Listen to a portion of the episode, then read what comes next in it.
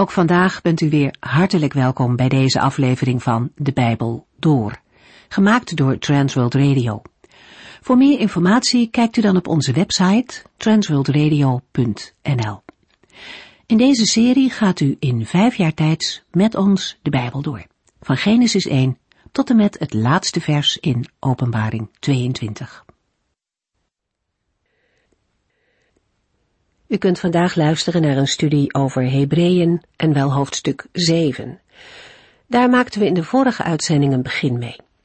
De schrijver kondigt in het slot van hoofdstuk 6 al aan dat hij over Melchizedek gaat spreken.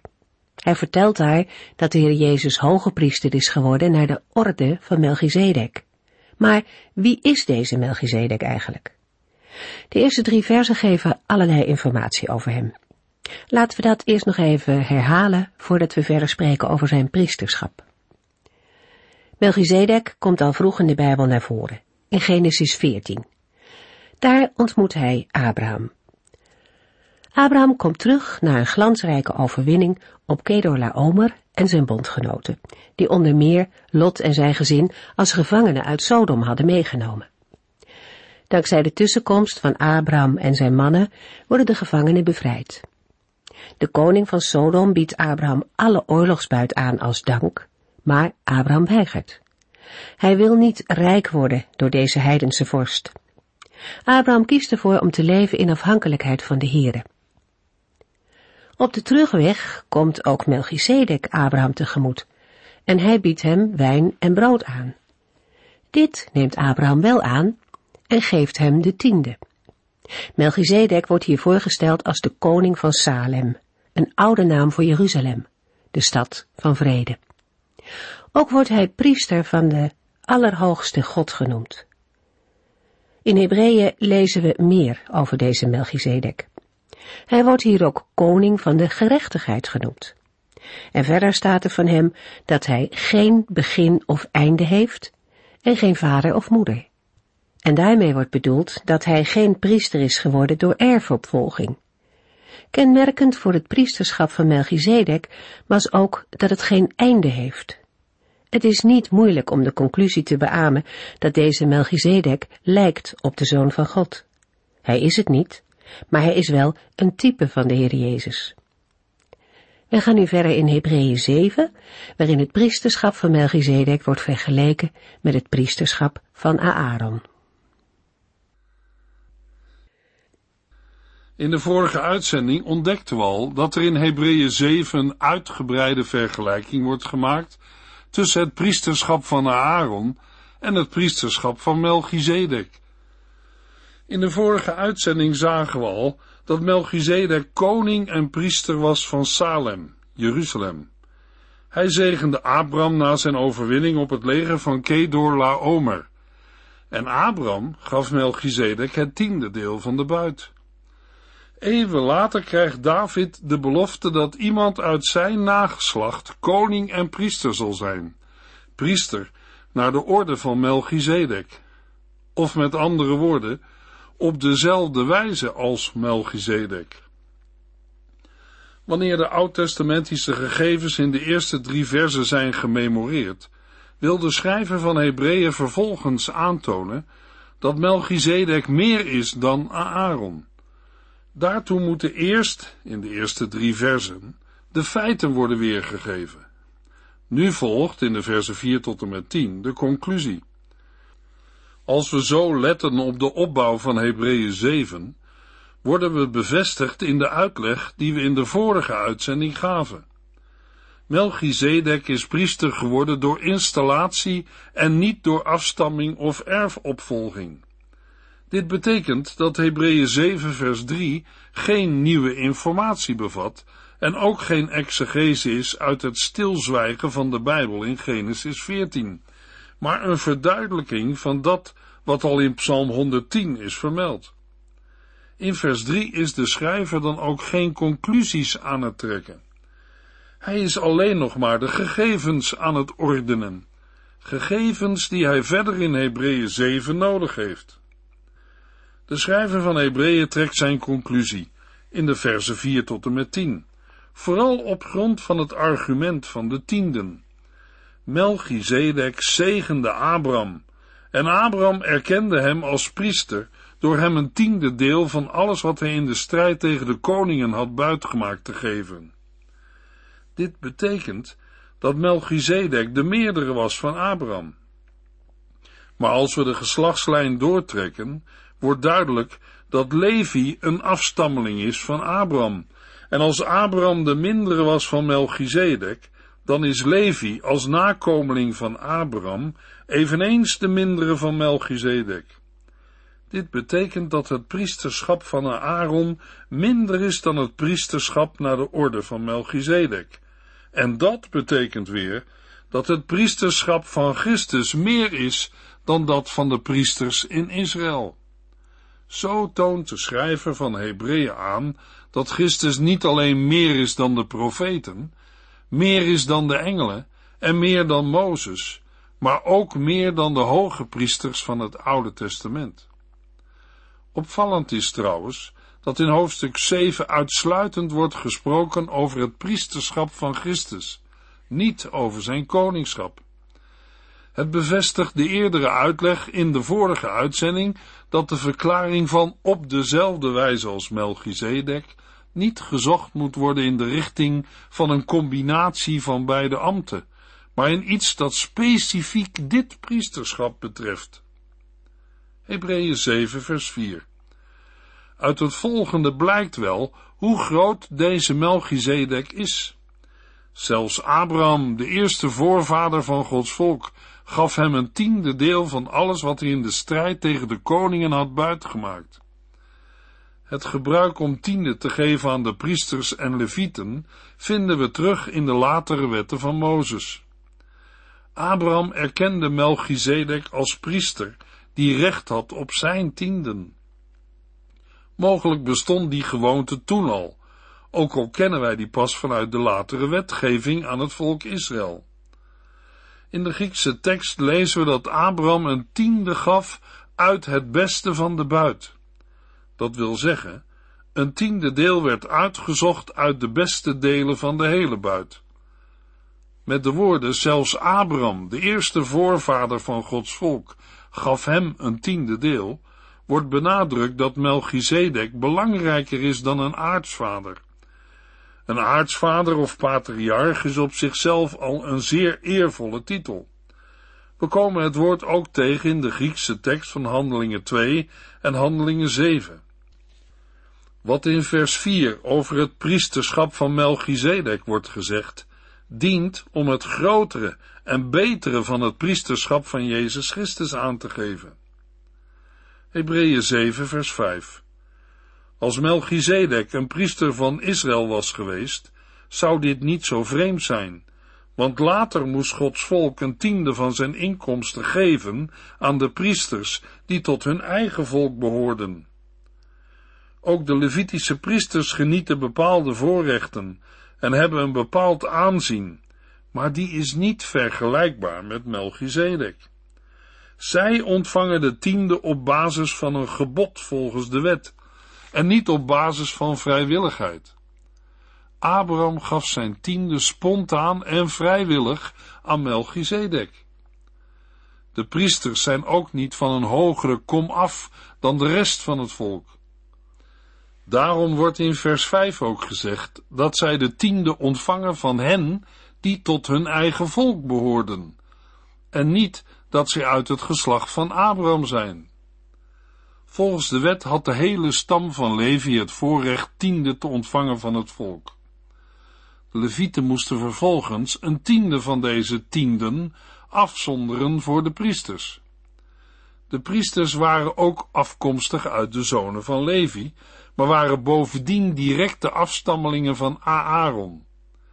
Indirect werden er zo ook tienden van het volk voor de priesters gegeven.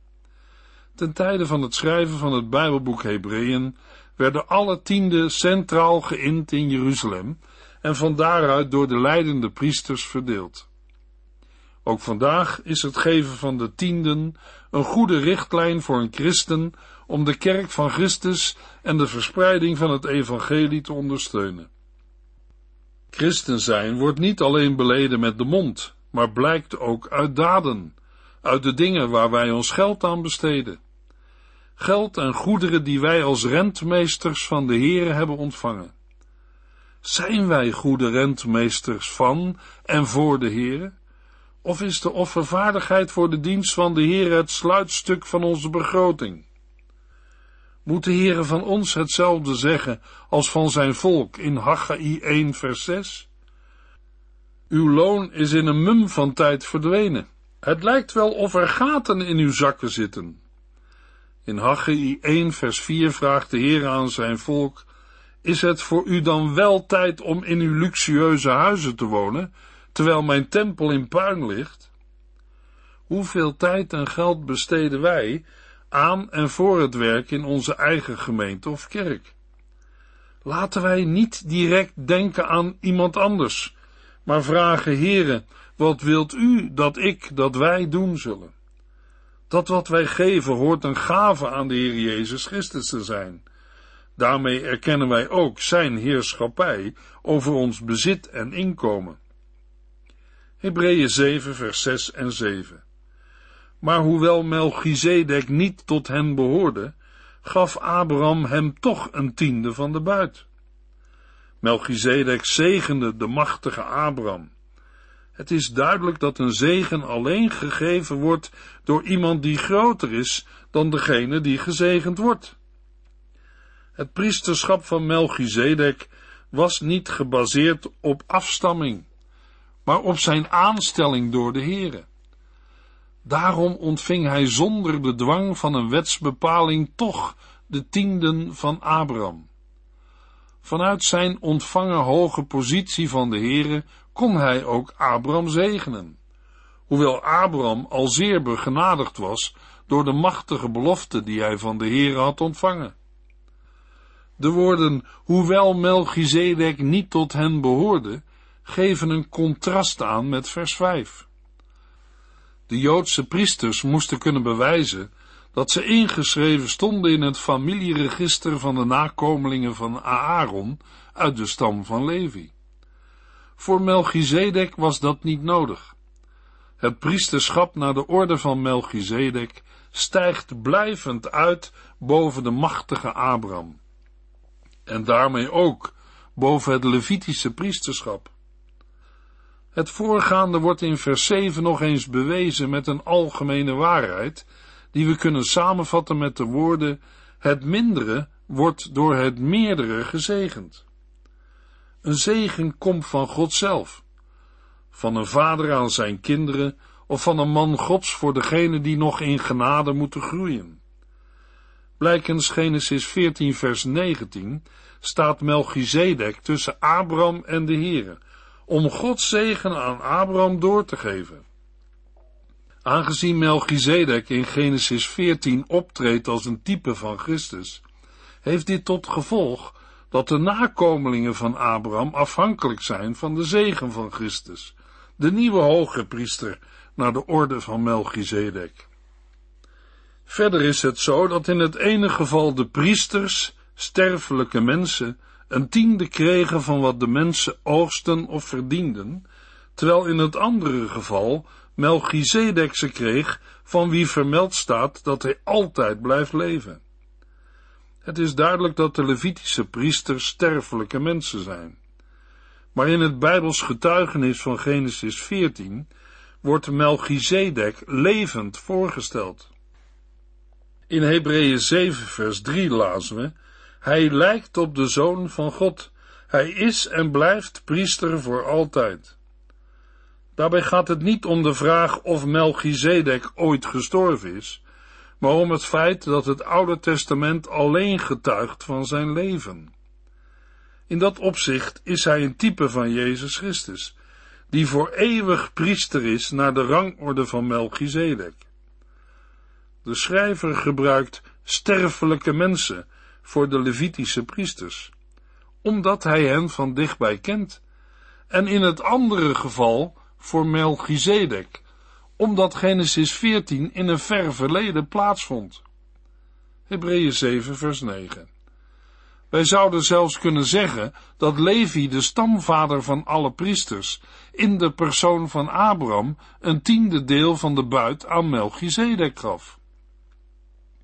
Door het feit dat Abraham als stamvader een representant van het Joodse volk, waartoe ook Levi en zijn nakomelingen behoren, tiende heeft gegeven aan Melchizedek, zijn ook als het ware van Levi tienden geheven. De woorden wij zouden zelfs kunnen zeggen, dienen hier als inleiding voor een uitspraak die tot verwarring zou kunnen leiden of verkeerd kan worden begrepen. Levi moet dan ook worden opgevat als stamvader en representant van alle priesters, die ten tijde van de schrijver van Hebreeën nog altijd tienden van het volk hebben geheven. Hebreeën 7 vers 10 Levi was toen nog niet geboren, maar het zaad waaruit hij is voortgekomen was al in Abraham aanwezig toen Melchizedek hem ontmoette. Toen Abraham Melchizedek ontmoette, had hij nog geen kinderen, maar hij droeg de levenskiem van zijn nageslacht nog bij zich. Daarom handelde hij ook namens en voor zijn ongeboren nakomelingen. Een dergelijke verbondenheid met het voorgeslacht wordt in het levensgevoel van westerse mensen meestal niet zo ervaren. Maar het komt in het Nieuwe Testament wel vaker voor, bijvoorbeeld in Romeinen 5 en 1 Corinthiërs 15, waar Adam de vertegenwoordiger is van de hele mensheid. Toen Abraham Melchizedek ontmoette, was Levi nog niet geboren, maar wel al in Abraham aanwezig. In werkelijkheid was Abraham namelijk de overgrootvader van Levi. Zo heeft de schrijver van Hebreeën aangetoond dat de priester Melchizedek belangrijker is dan de priesters uit het huis van Levi. Daarmee geeft hij ook aan dat het priesterschap naar de orde van Melchizedek in alle opzichten beter is dan het Levitische priesterschap. Hebreeën 7 vers 11 Als wij door de Levitische priesters en hun wetten gered hadden kunnen worden, waarom moest God dan Christus sturen? Een priester als Melchizedek en niet als Levi, Aaron en de andere priesters? De eerste vraag laat de lezers direct weten dat de schrijver een onmogelijke veronderstelling doet. Het Levitische priesterschap heeft de vervulling of volmaaktheid niet gebracht. Met volmaaktheid bedoelen wij in dit verband de werkelijke zondenvergeving, het herstel van de relatie met God de Vader en het ontvangen van de heerlijkheid die daarvan het gevolg is. Die volmaaktheid hadden de Joden door het Levitische priesterschap nooit verkregen. De wetgeving onder Israël was nauw verbonden met het Levitische priesterschap. Door een verandering van het priesterschap zou automatisch de daarop gebaseerde wetgeving haar kracht verliezen. De kern van de Joodse wetgeving bestond uit de offerdienst, die stond of viel met het priesterschap.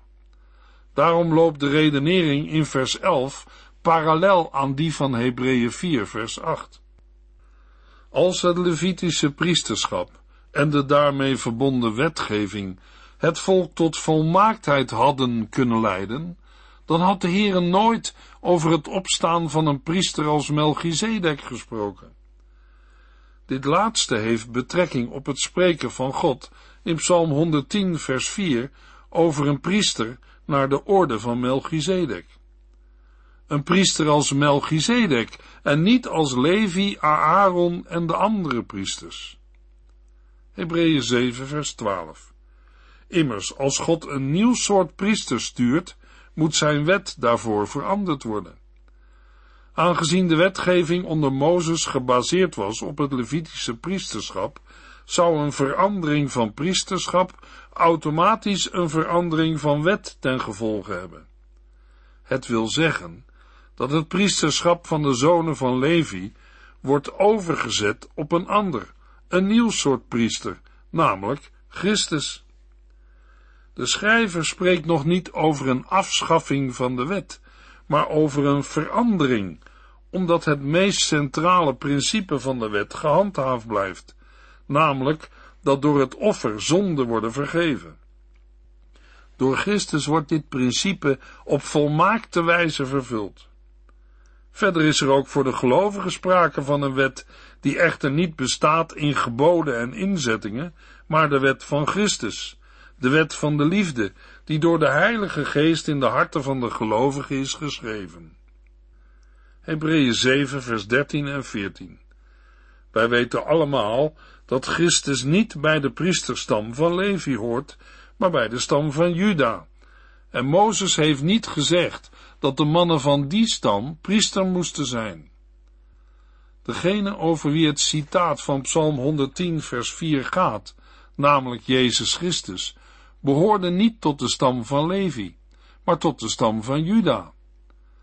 Het spreken van God in Psalm 110 vers 4, U bent de eeuwige priester, zoals ook Melchizedek mijn priester was, is een spreken over de Messias. De Zoon van God verkoos bewust deel uit te gaan maken van de stam van Juda, voordat hij mens werd en als Jezus te Bethlehem werd geboren. Dat de Messias niet uit de stam van Levi kwam, maar uit de stam van Juda, was voor alle Joden geen vraag, maar een weten op grond van Gods woord. Dat de Heer Jezus bij de stam van Juda hoort, blijkt bijvoorbeeld uit de familieregisters en uit Matthäus 2 vers 6 en Openbaring 5 vers 5. Ook op andere plaatsen in de Bijbel wordt zijn afkomst bevestigd, met name in de oud-testamentische profetieën, waar hij de spruit uit het huis van David wordt genoemd. Ook wordt de komst van de Messias wel vergeleken met het opgaan van de zon of een ster. De voorschriften van Mozes aangaande het priesterschap en de priesters betreffen uitsluitend de stam van Levi en binnen deze stam alleen het huis van Aaron. Jezus Christus kon naar zijn menselijke afstamming geen enkele aanspraak maken op dit priesterschap. Het priesterschap van Christus naar de orde van Melchizedek is dan ook geen voortzetting van het priesterschap uit de stam van Levi. Hebreeën 7 vers 15 het is dus duidelijk dat God een andere weg is ingeslagen. In vers 15 wordt bevestigd dat het Levitische priesterschap heeft afgedaan. Want uit vers 13 en 14 is gebleken dat de nieuwe priester niet alleen uit een andere stam komt, maar ook dat zijn priesterschap in alle opzichten het oude overtreft. Dat dit duidelijk is, wordt in de volgende versen uitgewerkt. Er wordt uitgelegd dat het nieuwe priesterschap van Jezus Christus van dezelfde rang is als Melchizedek, namelijk onvergankelijk, beter en volmaakt. In plaats van op dezelfde wijze als Melchizedek wordt hier gezegd van dezelfde rang als Melchizedek. Het gaat daarbij niet alleen om de positie van Melchizedek als priester en koning, maar ook om een verdere gelijkenis. Hij is koning van de gerechtigheid, koning van de vrede, niet afhankelijk van een afstamming, en hij is en blijft priester voor altijd. De woorden in vers 15, God is een andere weg ingeslagen, maken duidelijk dat de Heere de nieuwe priester al heeft gestuurd, en de nieuwe priester, Jezus Christus, is al in functie. Hebreeën 7 vers 16 en 17 Christus, de nieuwe hoge priester van dezelfde rang als Melchizedek, is geen priester geworden op grond van afstamming, zoals de wet eist, maar op grond van zijn onvergankelijke leven. Van hem staat er geschreven, u bent de eeuwige priester, zoals ook Melchizedek mijn priester was. Als eerste duidelijke bewijs van het betere van de nieuwe hoge priester boven het oude Levitische priesterschap noemt de schrijver het bestaansrecht. Door zijn opstanding werd bewezen dat Jezus Christus door God is aangesteld. Zijn leven is onvergankelijk. Dat het hoge priesterschap van Christus is gebaseerd op een onvergankelijk leven, blijkt uit het getuigenis van de Heere zelf in Psalm 110, vers 4. Door zijn opstanding uit de doden kan hij offer zijn voor de zonde en hoge priester om bij de Vader te pleiten voor de gelovigen. Hebreeën 7 vers 18 en 19 Het oude systeem, waarin men priester werd omdat men tot een bepaalde stam behoorde, is opgeheven omdat het niet werkte. De mensen konden daardoor niet gered worden. Daardoor lukte het niemand om met God in het reine te komen. Maar nu hebben wij een veel betere hoop, want Christus maakt het voor ons met God in orde, zodat wij bij hem mogen komen. In vers 18 gaat het om afschaffing van een oud gebod en in vers 19 om invoering van een veel betere hoop. Met het oude systeem wordt nog niet direct de hele wet van Mozes bedoeld, maar het bewuste gebod op grond van afstamming uit vers 16, waarin de aanstelling en de opvolging van de Levitische priesters werd geregeld. De zwakte bleek hieruit dat de priesters door de dood niet in het ambt konden blijven, en door het feit dat hun offerdienst het geweten van de mensen toch niet kon zuiveren. Jezus Christus is opgestaan. Hij blijft eeuwig en kan volkomen van de ondergang redden. Uit een afschaffing van het gebod op het priesterschap volgt een afschaffing van het hele oude Mosaïsche wetsysteem. De tijd onder de wet moet gezien worden als een voorlopige en voorbereidende fase in de heilsgeschiedenis. De wet was niet in staat het probleem van de zonde, die scheiding maakt tussen God en mens, op te lossen. De wet kon alleen het besef bewerken dat het langs deze weg niet met God in orde gemaakt kon worden. De nieuwe hoop die wordt gebracht, steekt boven de oude wet uit en is beter. De hoop is geheel verbonden met Jezus Christus, die als eerste de hemel binnenging en de zaligheid van God ontving. Door hem kunnen de gelovigen tot God naderen. In de volgende uitzending lezen we verder in Hebreeën 7. U heeft geluisterd naar De Bijbel Door, in het Nederlands vertaald en bewerkt door Transworld Radio. Een programma waarin we in vijf jaar tijd de hele Bijbel doorgaan. Als u wilt reageren op deze uitzending of u heeft vragen, dan kunt u contact met ons opnemen. Tijdens kantooruren kunt u bellen op 0342 478432 0342 478432. Ook kunt u een e-mail sturen naar de Bijbel door at transworldradio.nl en natuurlijk kunt u ook via de post ons bereiken. TWR, postbus 371, postcode 3770, AJ in Barneveld. Dit programma werd gepresenteerd door Cor Weda en Ike André. Techniek was in handen van Odin van Voerkom. En wij allemaal bedanken u voor het luisteren. Graag tot de volgende keer.